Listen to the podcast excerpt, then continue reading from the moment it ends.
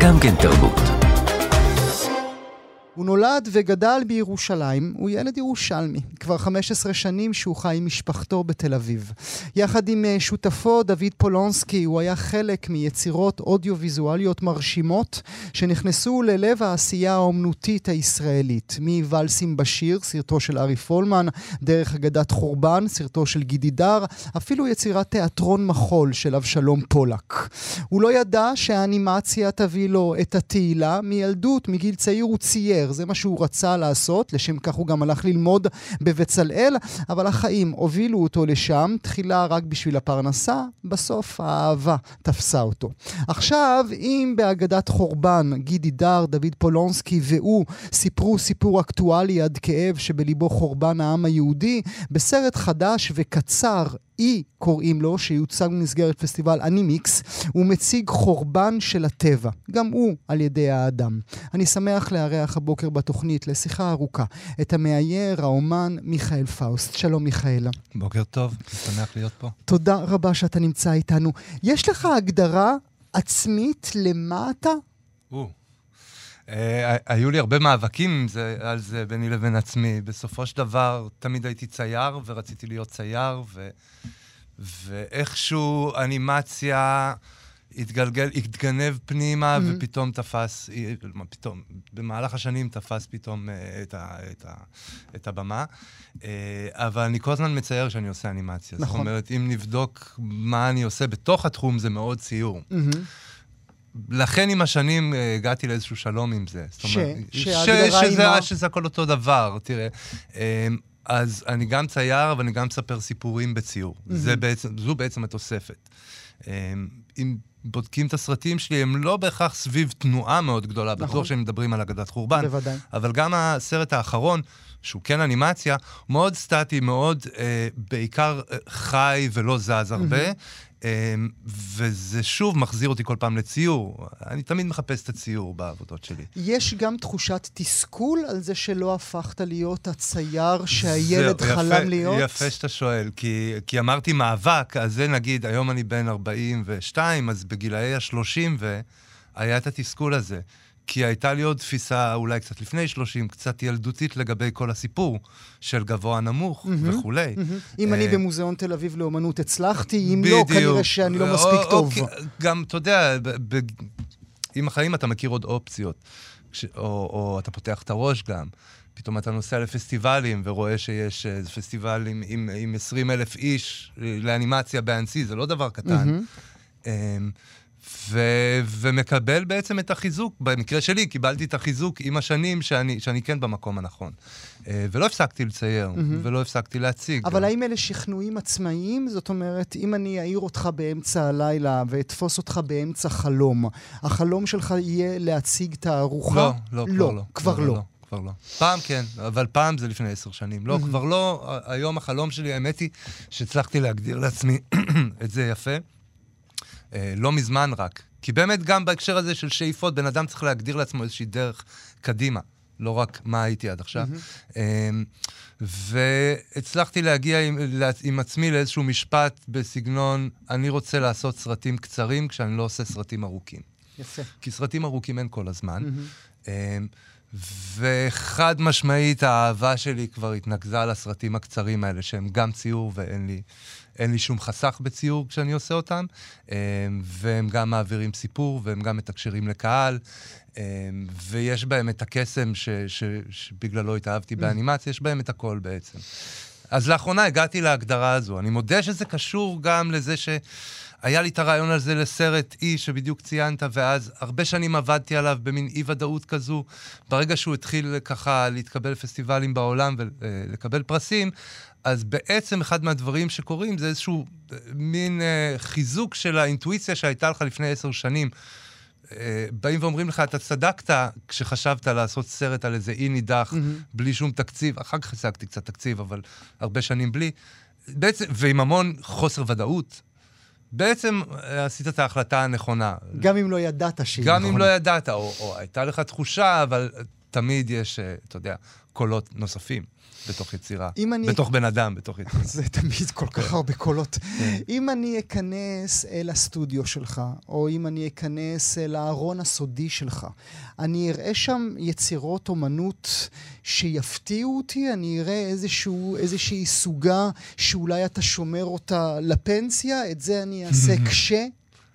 אני לא חושב, לצערי, לאכזב אותך בתשובה קצת אה, פחות דרמטית. אתה אולי תראה עוד דברים שלא הכרת, תראה כיוונים אחרים של סגנון אולי, בתוך מה שקשור לאנימציה, אה, אבל אני רוצה לחשוב שככל שנסתכל קדימה, נראה את הדברים האלה שאתה מדבר עליהם, את ההפתעות. אוקיי, יגיע זמנם. יגיע זמנם, כי, כי אני מנסה איכשהו להתפתח כל הזמן. זה חלק מהעניין. יש... זה אה, היופי, אגב, באומנות זה לא נגמר כמו ספורטאי, בגיל 30 מתחילות לרדת היכולות. לא, אתה, אתה יכול עד גיל 80, 90 ואולי להתפתח. דווקא שם זה מתחיל. אנחנו הכרנו הרבה כן, מאוד אומנים נכון. שהגיעו לשיא שלהם דווקא. אה, נמצא איתנו אה, כאן אה, באולפן, אה, בקונטרול, יונתן. היית יונתן? היית מין כזה ילד שיושב ומצייר כל הזמן? אה, כן, כן, כן. לא, לא יודע בדיוק מאיזה גיל, בטוח שבגיל 13 כבר ידעתי לגמרי שאני רוצה לצייר, אה, ואני מזהה את זה ב-100% אצל הבת שלי כבר, מגיל הרבה יותר צעיר ממה שהיה אצלי. אני כן יודע שזה כל הזמן הייתה לי יד לזה, היה לי עניין לזה, אה, וכן, הייתי מצייר הרבה. גיל 13 כבר ידעתי שאני רוצה ללמוד בבצלאל, באומנות וזה, אחר כך התבדיתי.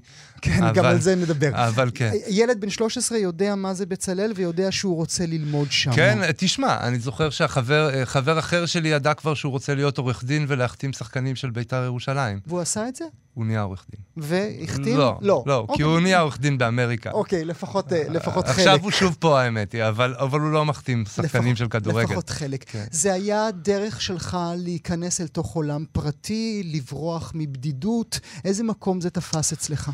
אמ, האמת שלא בדידות, מתישהו זה היה להתבודד כבר בגילאי ש- 17, 18 וזה, אולי ברגעים שהחיים מביאים אותך לקצת שאתה יותר שונא את בדידות. כולם. Mm. כן, אבל תמיד הייתי, אתה יודע, היו לי את החברים שלי, אה, היה לי את החבורה שלי. האמת שכולם אומנים היו. אמ, ו- והאמת שגם די יצרנו ביחד, אחר כך, אתה יודע, גילאי 20 זה קצת מתפזר, למרות שעדיין חברים, אבל ממש יצרנו ביחד, ו- ו- וזה לא היה משהו שקשור לבדידות. בהמשך, היו ימים שלמים שהייתי נסגר בחדר ועושה רק את זה, אבל לא בגלל איזושהי שנאה לעולם שבחוץ, חס וחלילה. את השנאה הזו טיילתי בדרכים אחרות. אבל, אמ, אבל דווקא היצירה, לא, היא כן הייתה איזושהי בריחה, שאז בכלל לא ידעתי להגדיר ממה. אוקיי. ושנים לא ידעתי להגדיר ממה, אבל, אבל היא בריחה מאוד פרודוקטיבית ועם הצלחת. עומק, זאת אומרת, בריחה זה רק דרך אחת לקרוא לזה. הצלחת לנסח לעצמך שממה ברחת? כאילו כן, אבל, אה, אבל איך, אה, גם אם אני אכנס לזה עכשיו, זה רק על זה אנחנו נדבר, וגם אה, לך תדע אם זה זה, וממה, אם- או, או שפשוט מצאת איזשהו משהו לתלות עליו את מהמם. הבעיות שלך. אה, כן היה לי איזה אירוע בטיול שנתי בכיתה ה' שהלכתי לאיבוד המון המון המון שעות במדבר, בלילה גם, וזה. וואו. אז, ו, ואז שכחתי מזה המון המון שנים. כאילו לא היה. כאילו לא היה. מחקת. לא יודע, אם, אם היית שואל אותי, הייתי אומר לך, אה, כן, זה היה, אבל זה לא היה סיפור שהיה עולה. וזה באיזשהו, שוב, בגיל 25, 6, הבנתי פתאום שאולי זה חלק, מהעני... חלק מהבריחה. אה, אבל שוב, זה משהו לתלות עליו, אתה יודע, אולי יש עוד דברים. מהמם. זה מין אירוע שקל לזכור. יש מחיר נפשי להיות ילד מאוד צעיר שמשקיע את עצמו בגיל, אה, בגיל הזה אל תוך האומנות ולהמשיך בזה עוד 30 שנים? דווקא כילד, אני לא יודע אם יש לזה מחיר נפשי. אתה, אתה נהנה מזה, מהמם. ואתה מתפתח, ואתה מקבל uh, את התמיכה של הסביבה, אם אתה מקבל אותה, או לפחות כשמצליח לך, אז אומרים לך כל הכבוד. זה כאילו. כן. יש לזה בעיקר יתרונות. ברור שכמבוגר זה מתחיל uh, להיות מוטל בספק, הדרך שאתה בוחר. אני מודה שהיה לי הרבה מזל, הרבה הפקות ארוכות, אה, וכשלא היו הפקות הצלחתי להשיג תקציב לסרט שלי וכולי, ואני עד עכשיו בסדר, כבר מהמם. לא מעט שנים.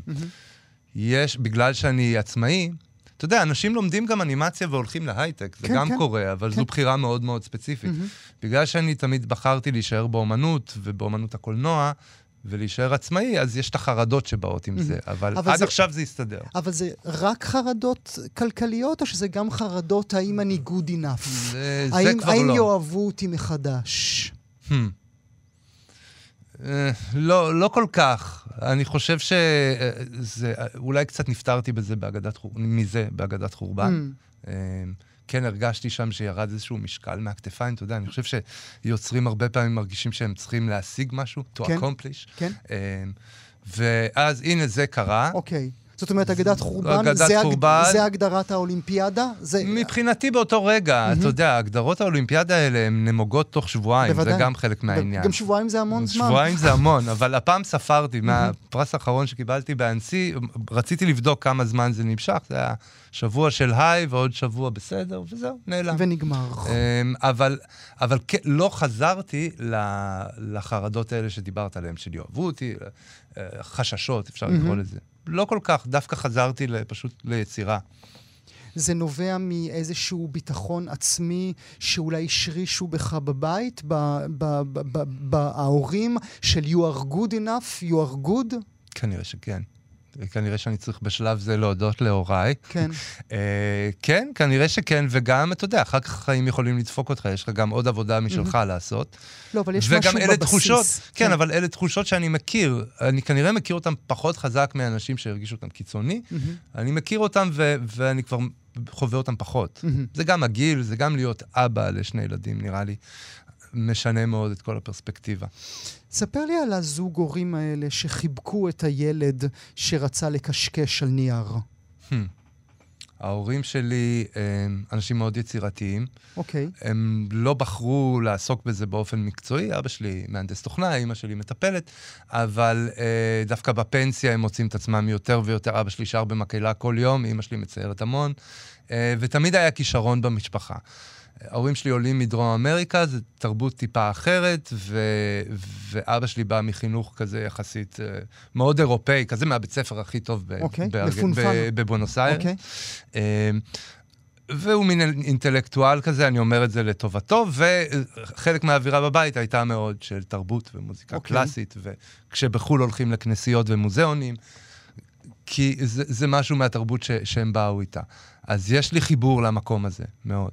זאת אומרת, לא הייתה אפילו שאלה שאם זה מה שהילד רוצה, זה מה שהילד יעשה. אני לא זוכר שום התערבות בבחירה שלי, או שום דבר חוץ מלעודד אותי. האמת היא. ואף פעם לא לקחתי את זה גם כאיזה פלוס גדול בשביל ההורים שלי, זו מחמאה גדולה, ככה צריך להיות. בדיעבד כן, אני אבל- מבין שלא, אבל, אבל כן. ובדיעבד, היום קשה לי לתת את אותה תמיכה לילדה שלך. לילדה שלי, כשאני יודע גם לאן העולם הזה אולי ילך, אין לדעת. אמ, אז זה קשה, אבל הם עשו את זה, וכל הכבוד להם. יש משהו ירושלמי בך? מאוד. אני מקווה שהוא לא נעלם ב-15 שנים בתל אביב. אוקיי, כי אני לא מזהה אותו, לכן אני שואל זה אותך. בעיה, אז... אה, אולי הוא צץ לפעמים, הדבר הירושלמי. אה, הוא... תראה, אני התחלתי בירושלים, הייתי 30 שנה בירושלים, וירושלים זה סוג של אנדרדוג תמיד כשאתה יוצר. האמת שגם בעוד תחומים, בין אם זה תיאטרון, או, או, או אה, צי, אם אתה צייר, או אנימטור, אה, אתה לא, אתה לא במרכז, מהמם. אתה מחוץ למרכז. ובתור ילד מתבגר, כשאתה פוגש את הילדים התל אביבים שלומדים בתלמה ילין, וזה, אתה, אתה מרגיש את, ה, Mm, את הריחוק הזה. שאני לא כמוהם? כן, שאני לא כמוהם. אה, או שאני בא ממקום יותר פשוט. אתה יודע, בירוש... עד היום כשאני הולך לירושלים, אני מאוד אוהב את איך שאנשים מתלבשים שם. הסוודרים, הפשטות. מהמם. ה... אה, זה שלבוש ו- ויציאה החוצה זה לא איזושהי הצהרה. זה שאומנות יכולה להיות רק התחקות אחרי איזשהו יופי. מהמם. זה מאוד לא תל אביבי, דרך מהמם. אגב. אה, יפה, אני אוהב את ההגדרה הזאת. כי ירושלים כל כך יפה, כי פשוט האור יפה, כי האבן יפה. מהמם. אה, אלה דברים ש, שאני לוקח איתי. פשוט לרדוף אחרי יופי בלי לרצות לומר משהו. כן, למרות שאתה יודע, תמיד, האמירה תמיד שם. זאת אומרת, אסור שמשהו יהיה רק יפה. אבל uh, אפשר להתחיל מזה שיש תופעה שמרהיבה אותך מול העיניים, ובלי להתכוון להרבה להגיע למשהו. רק מהאינטראקציה Mm. הזו. אני גם אומר את זה לסטודנטים שלי, כשמציירים, אני מלמד ציור מהתבוננות. אה, אל תנסו לתת, עדיין, שנה א', תחילת השנה, אל תנסו עדיין לתת את הפרשנות שלכם. אוקיי. היא קורית. תנסו לעקוב אחרי מה שאתם רואים. אז כאילו זה הגישה הזו שהחוץ, הוויזואליה בחוץ, היא, היא מספיקה. מה שנגיד כשעברתי לתל אביב מאוד מאוד לא הרגשתי. נראה לי שכל הירושלים עוד נראה לי לפחות, לא רואים שום יופי בתל אביב לפני שהם עוברים אליה. יכול להיות שאם היית תל אביבי, לא היית יוצר את היצירות החשובות שיצרת? יש מצב, יש מצב, כן, בהחלט. כי? כי היית לא הולך יודע, למקום אחר? לא יודע, הייתי הולך למקום אחר. אה, תראה, יש משהו, אוקיי, מצאתי את התשובה, אני חושב, בגלל, בגלל שהתעכבנו על זה, וגם לא שאלתי את עצמי את זה יותר מדי. יש משהו מאוד קלאסי בירושלים. מאוד, אה, ברגעים הפחות טובים, גם אה, אה, מתחסד, מאוד אה, אה, לא פרובוקטיבי בעיר הזו, וקלאסי. ואתה יודע, יש משהו בקלאסי ביצירות שלי. נכון. היצירות שלי לרוב לא סביב מיניות או, או דברים לא. שכאלה, אף פעם. אה, ולא כי אני בדעה שלא צריך לדבר על זה, פשוט זה המקום שאני בא ממנו. אבל הקלאסיות הזו, אולי אפילו קצת כבדה, זה כנראה קשור לירושלים. אם הייתי מדבר עכשיו עם מיכאל, הילד בן ה-13, mm-hmm. הוא היה מרוצה ממך? אני חושב שכן, אני רוצה לקוות שכן. אולי הוא לא ראה אנימציה בעתיד בשום צורה, כי הוא לא חשב על זה כמשהו. שאפשר בכלל. אבל נראה לי שזה היה מדליק אותו. תראה, אני רואה את הילדים היום, לא רק הבת שלי, בכלל, כשאני הולך ורואה ילדים, הם, אנימציה זה אחד הדברים שהם הכי רוצים לעשות. לפחות בבתי ספר האומנותיים שיוצא לי להסתובב בהם. אנימציה וקולנוע. אה, זה גם הרבה יותר נגיש עכשיו. אני די בטוח שמיכאל בן ה-13 היום היה רוצה לעשות אנימציה כבר. בגיל 13. די אבל, בטוח. אבל לא רק זה, הוא היה מרוצה מההישגים של מיכאל הגדול? הוא היה מרוצה מהחיים שמיכאל הגדול בנה לעצמו? אני מקווה, כן, אני חושב. אני חושב, כן. Uh, יש דברים בלהיות גדול שאתה לא יודע לצפות מראש, mm-hmm. אבל ברמה של המשפחה, הקריירה וזה, אני לא חושב שפספסתי משהו או שלא השגתי משהו שרציתי. כן, זה מה שרציתי. לא, לא ידעתי לכוון לספציפיות של זה בשום צורה, וזה לקח זמן, אבל זה מה שרציתי. אני רוצה שנדבר עוד רגע על הברומנס שלך עם uh, דוד פולונסקי. Uh, ממש כן. ברומנס. נכון, ברומנס. וממש להיכנס אל, אל הדבר הזה ביניכם. אבל למה איש כמוך אחרי שנה עוזב את בצלאל? מה, הילד בן 13 חולם על המוסד, הילד בן ה-20 מגיע אל המוסד, ואחרי שנה הוא אומר, תודה רבה, ביי, לא, לא בא לי. כן. Uh, הייתי מאוד מאוד, גם שנה לפני, עוד יותר, שנה לפני בצלאל, הייתי מאוד מאוד עמוק בתוך ציור. קנבסים ענקיים, כל היום מצייר, וזה, לך תדע איפה הציורים האלה היום. חבל, uh, חבל. לא, חלק מהם עוד במחסן של ההורים, אבל חלק באמת, לך תדע. Uh, ואז באתי לראיון קבלה, כבר אמרו לי בראיון קבלה, עוד לפני שנת הלימודים, מה היית אומר אם היינו אומרים לך שהציור מת? זה בשנת 99. אוקיי. אז זה היה ככה מין אות מבשר לבאות. באתם לבאס. באתם לבאס, ולא באתם ל- ללמד אותי מה שאני רוצה, והאמת שהאשמה היא לא בדיוק עליהם, אני לא חושב. אה, כי בסופו של דבר הם רצו, רוצים מההתחלה, אני חושב שעד היום, אה, למצוא בתוך, בקרב הסטודנטים שלהם קולות ייחודיים, יצירתיים, שמביאים את הסיפור שלהם. Mm-hmm. וזה לא עניין אותי באותו רגע. אתה רק רצית לצייר. לצייר. כן, ושמישהו ייתן לי עוד טיפים על לצייר. שילמדו אותך לצייר. כן, בסוף מצאתי את המקום שלי לכמה רגעים. היה בית ספר בשם Jerusalem Studio School, של אה, מאסטר בשם ישראל הירשברג, מאסטר לציור. ציור מאוד פיגורטיבי, אה, מאוד אנשים יקראו לזה ריאליסטי, אני פחות אמ-המ. אוהב את המילה, אבל מאוד פיגורטיבי, אה, והמון אנשים באו ללמוד אצלו. וזה בית ספר שאתה שמונה שעות ביום, חמישה ימים בשבוע מצייר, מודל. לפעמים זה מודל שלא זז כל החודש. וואו. אה, אז שם למדתי קצת, למדתי עם עוד קצת מורים, אה, והשלמתי השכלה ציורית, והמשכתי כל הזמן לצייר, ידעתי שזה מה שאני עושה. אבל מיכאל, היה שבר עם העזיבה כן, את כן, בצלאל? כן, כן, בטח. זה, כמו לעמוד אל מול ענק שרק חיכית לפגוש אותו כל נכון, הזמן, נכון? נכון. ואז מה, איך אתה מתקן את הנפש השבורה?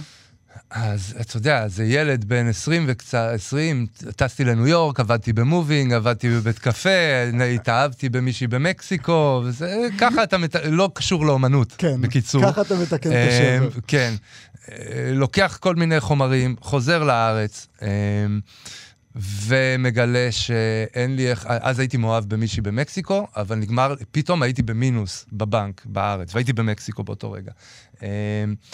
והייתי חייב, לח... מינוס 9,000, לא ידעתי מה לעשות עם מספר כזה באותו רגע, הייתי חייב, אה, גם לא ידעתי שאני יוצר אותו תוך כדי. הייתי חייב לחזור ל...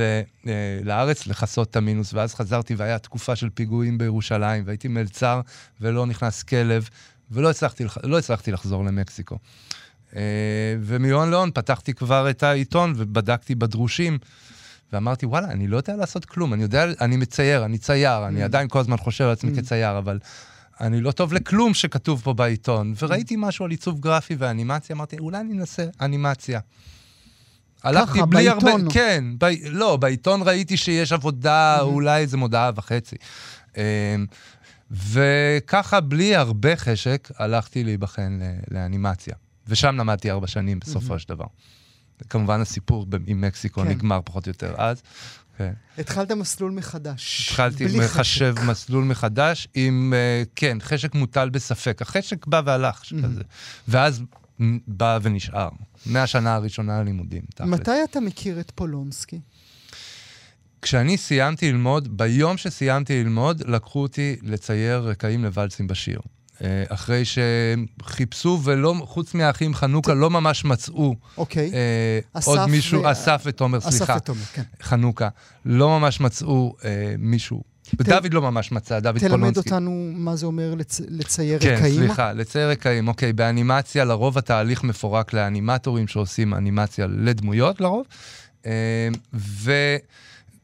אנשים שמציירים את הרקעים, זה התהליך המסורתי. גם את זה לפעמים מפרקים בכל מיני הפקות באירופה, יש מי שעושה את הרישום, מי שעושה mm-hmm. את הצבע וזה, אבל אצלנו זה לא ככה. אצלנו זה פירוק בין מי שמעצב את הרקעים ואת הדמויות. Mm-hmm. אגב, מי שמעצב, במקרה שלנו, מעצבים רקעים ודמויות, אתה מקבל, נגיד אתה אנימטור, אתה מקבל פריים עם הדמות כבר מעוצבת ובפוזה שאתה צריך, okay. אוקיי.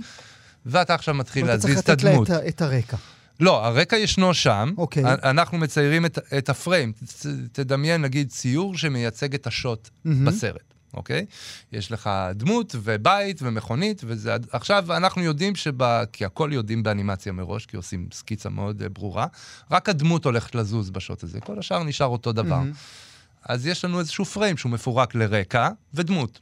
ואתה צריך לצייר את הרקע. את הכל, mm-hmm. גם את הרקע וגם את הדמות אני mm-hmm. צריך לצייר.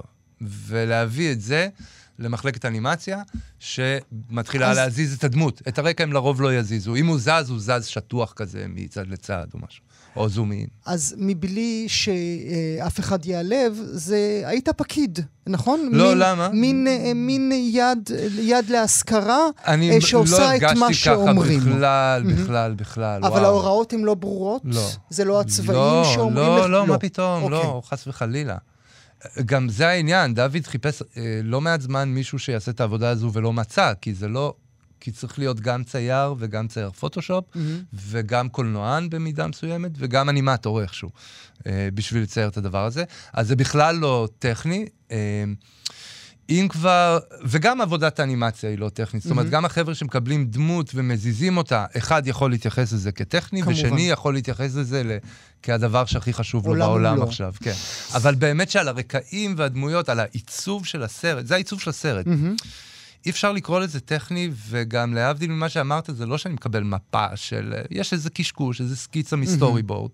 עכשיו תעשה פריים, עכשיו תמציא עולם.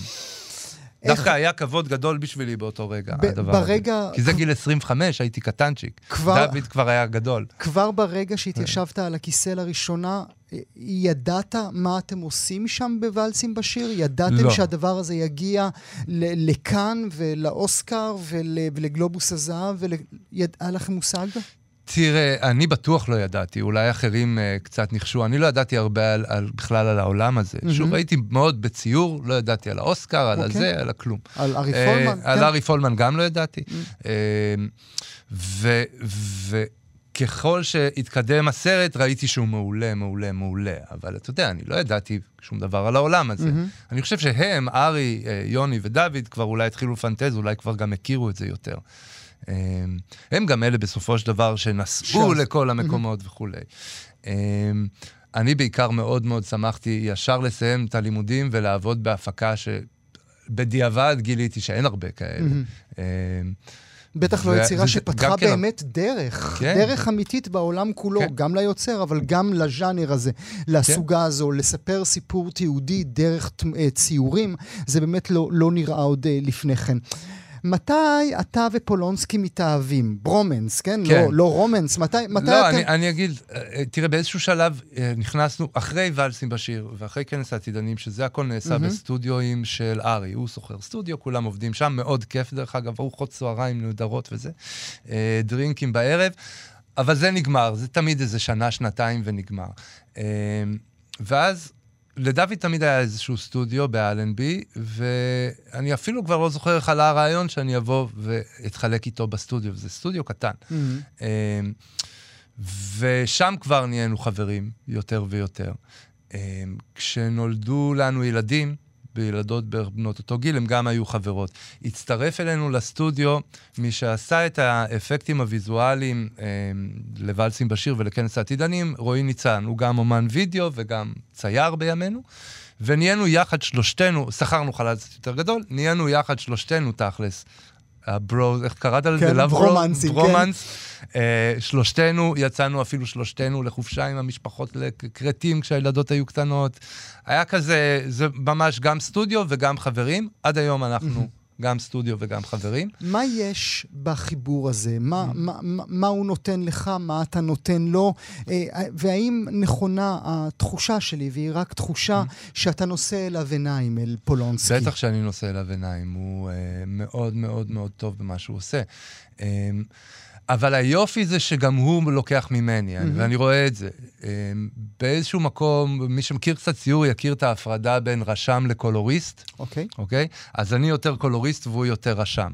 והרשם מתעסק אולי עם הווליומים, עם הנפחים של דברים, ויודע להציב אותם מאוד טוב, והקולוריסט יודע ברגש ובצבע ובכתם לתת תמונה ש- שיכולה להפעיל את הצופה רגשית mm-hmm. מכיוון אחר בכלל.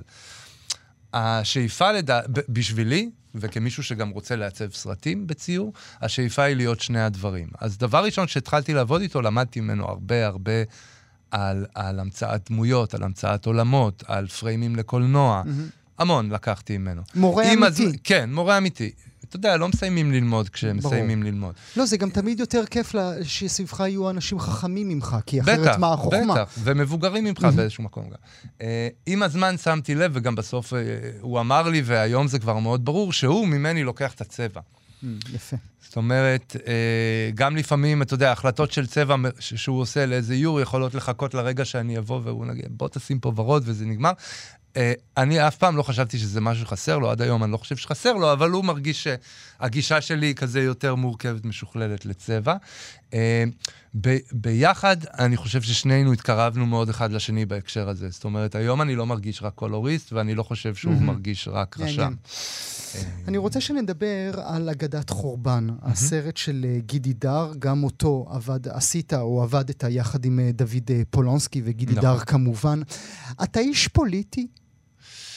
זאת אומרת, האמיר, כן. כשה, כש, כש, כשאני מתבונן באגדת חורבן, אני רואה רק פוליטיקה. זה הדבר היחיד שאני רואה. בעיקר גם, היום. בעיקר היום, בעיקר בשנה האחרונה. מה אתה רואה? או שהפוליטיקה רחוקה ממך? מה אני רואה עכשיו שאני mm, מתבונן? Mm. לא, עכשיו אני רואה, נראה לי את מה שאתה רואה, את, את כמה זה רלוונטי, כמה זה בעצם פוליטי, כמה היום האמירה היא, היא, היא מאוד ברורה. של הסרט. Mm-hmm. ואני לא חשבתי שהיא כל כך ברורה. אה, חשבת שאתה מספר סיפור היסטורי על חורבן כן, שהיה פעם, מזה, פעם, פעם, פעם. אני אגיד לך, אבא שלי, כשהוא ראה את הסרט בסוף, הוא, הוא אמר לי, מוזר ששולי רן, איש דתי, מוכן לשתף פעולה עם סרט שאומר בעצם שאין אלוהים. Mm, יפה. ואני אומר לו, אה, ככה אתה ראית את הסרט? יפה. לא חשבתי על זה בכלל. אה, כל אחד רואה את זה אחרת.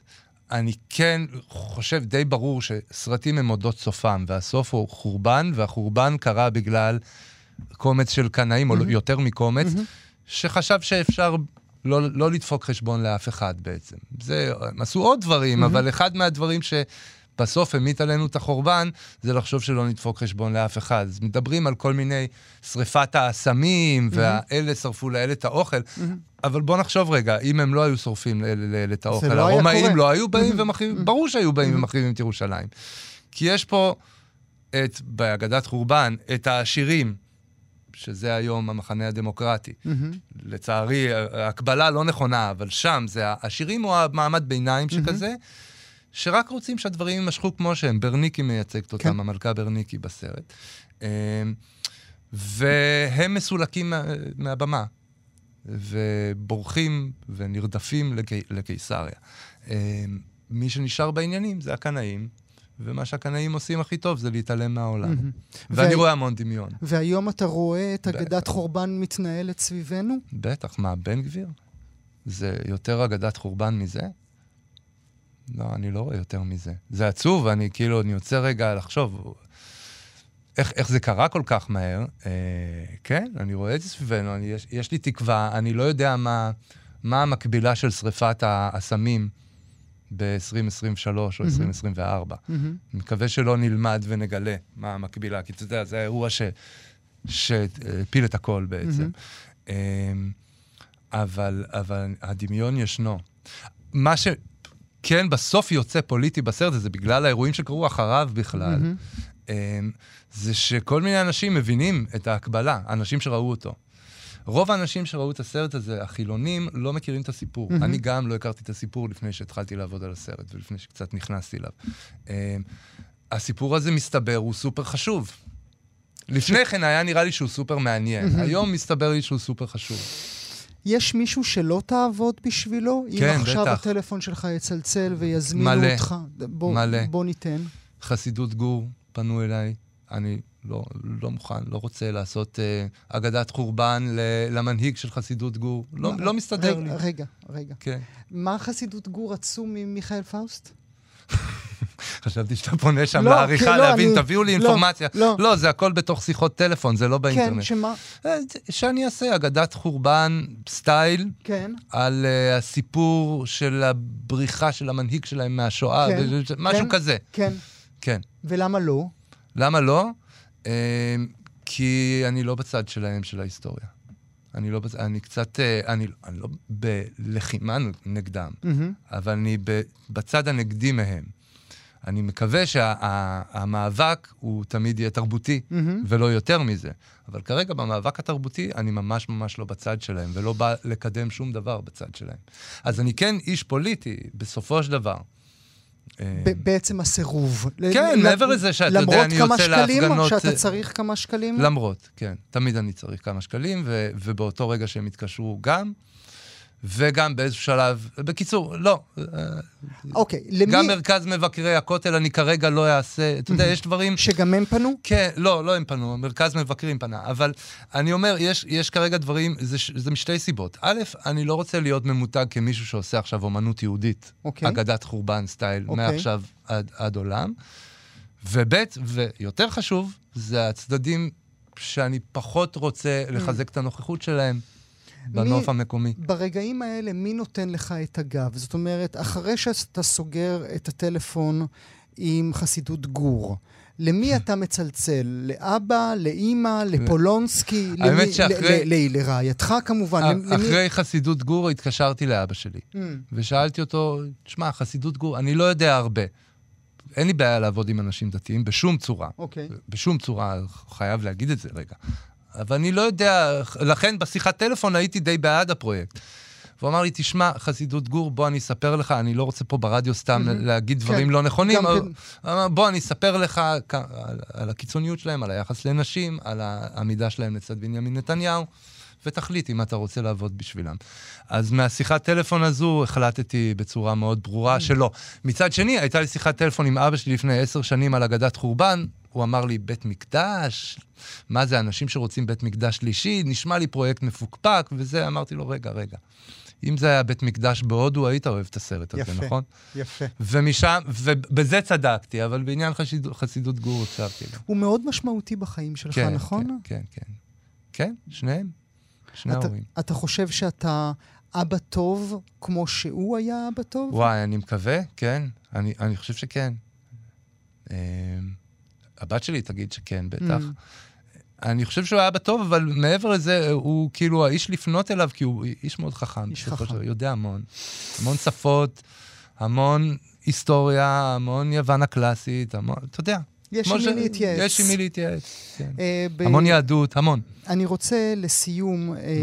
לומר בכל זאת מילה, אפרופו חורבן, ולהזכיר גם את אי, הסרט אה, החדש. תודה, שכחנו ממנו. ש- שמוצג עכשיו בפסטיבל אנימיקס. כן. גם בו אתה עוסק בחורבן, נכון. וזה חורבן, דמיינו, מאזינות ומאזינים, אי, עצים, שכפים, ילידים, פסטורליה, הכל נחמד, ואז מגיע הכיבוש הלבן, והרצח עם, והמהפכה התעשייתית, והגלובליזציה, והאמריקניזציה, וה... והג'נטריפיקציה, וכולם הולכים, וההגירה הופכת, והכל חוזר אחורה. אתה מדבר על הדרך בה אנחנו בעצם הורסים את הכדור שלנו. כי הטבע נוגע בך, או כי אתה לא יכול לברוח ממושג חורבן שעוטף אותך בשנים האחרונות? וואו, אה, אני לא יודע אם זה... במקרה יצא שזה חורבן וזה חורבן. Mm-hmm. הסיפור על האי שמעתי אותו לפני ששמעתי מאגדת חורבן בכלל. Mm-hmm. זאת אומרת, זה סיפור שמסתובב לי בראש לפחות עשר שנים, אה, ומה שהכי תפס אותי בו זה שהוא מתחיל במיליוני ציפורים שמחרבנות על סלעים. Mm-hmm. זה מה שהכי תפס אותי בסיפור הזה, ואז איך, איך הלשלשת הזו היא בעצם פוספט, וחופרים את כל האי וכולי. אפשר להיכנס לזה עוד רגע, אבל לא חשבתי על זה כחורבן, בדיעבד זה עוד סיפור חורבן, אתה צודק לגמרי, רק הפעם גלובלי, גדול, mm-hmm. כאילו. אמ, ובעיקר כן תפס אותי זה שסיפור של אי קטן מאוד, זה סיפור אמיתי, כן? סיפור של אי קטן בשם נאורו, שאני אחר כך לקחתי לעוד כל מיני מחוזות ולא הרשיתי לעצמי להגיד מבוסס על סיפור אמיתי, אבל בגדול זה סיפור אמיתי. ו... וזה תפס אותי, גם החורבן כנראה תפס אותי בסופו של דבר. מילה אה, לסיום, אחרי כל העבודה הרבה הזו שלך, ובאמת החומרים המאוד קשים שאתה מעביר דרך האומנות, אתה יכול להגיד עלינו משהו, על בני האדם, על האנושות, על הישראליות, לאבחן אותנו בצורה שאנחנו לא יודעים? וואו, אני, אני לא בטוח. אה, אין לי ממש תשובה לזה. אני חושב ש... אנחנו הישראלים כיוצרים, אם אנחנו מסתכלים על זה רגע רק בפריזמה הצרה של אנימציה, קולנוע, יש לנו הרבה מה להגיד, זה נראה. כל הזמן קורים פה יותר מדי דברים. אה, זה האמת היא מאז שאני זוכר את עצמי. Mm-hmm. וזה גם מייחד אותנו בנוף הבינלאומי, כשאתה הולך לראות כל מיני אה, פסטיבלים mm-hmm. וכולי. ואני חושב שזה נהדר, אני מקווה שיום אחד יהיה פה שקט, ועדיין נהיה קצת כאלה. כי אף פעם לא יהיה פה 100% שם, כן. בוא, בוא נודה בזה. אבל... אה, למה אתה כזה? למה? אבל, כן. אני, אבל אני מקווה שכשיהיה שקט, אנחנו נדע להמשיך לספר סיפורים, כי האמת שהרבה פעמים כשאני הולך לפסטיבלים של אנימציה, הבעיה היא הסיפור בהרבה מהסרטים. ובזה לא חסר לנו. וזה לא חסר לנו בישראל דווקא. מיכאל פאוסט, אני אומר אה, שוב למאזינות והמאזינים, אה, אנימיקס בימים אלה מתקיים פסטיבל אנימציה מאוד חשוב בתל אביב, כדאי שתבקרו בו. מיכאל פאוסט, לעונג, לעונג רב. לעונג לי, היה ממש כיף. תודה, תודה. רבה שהיית איתי.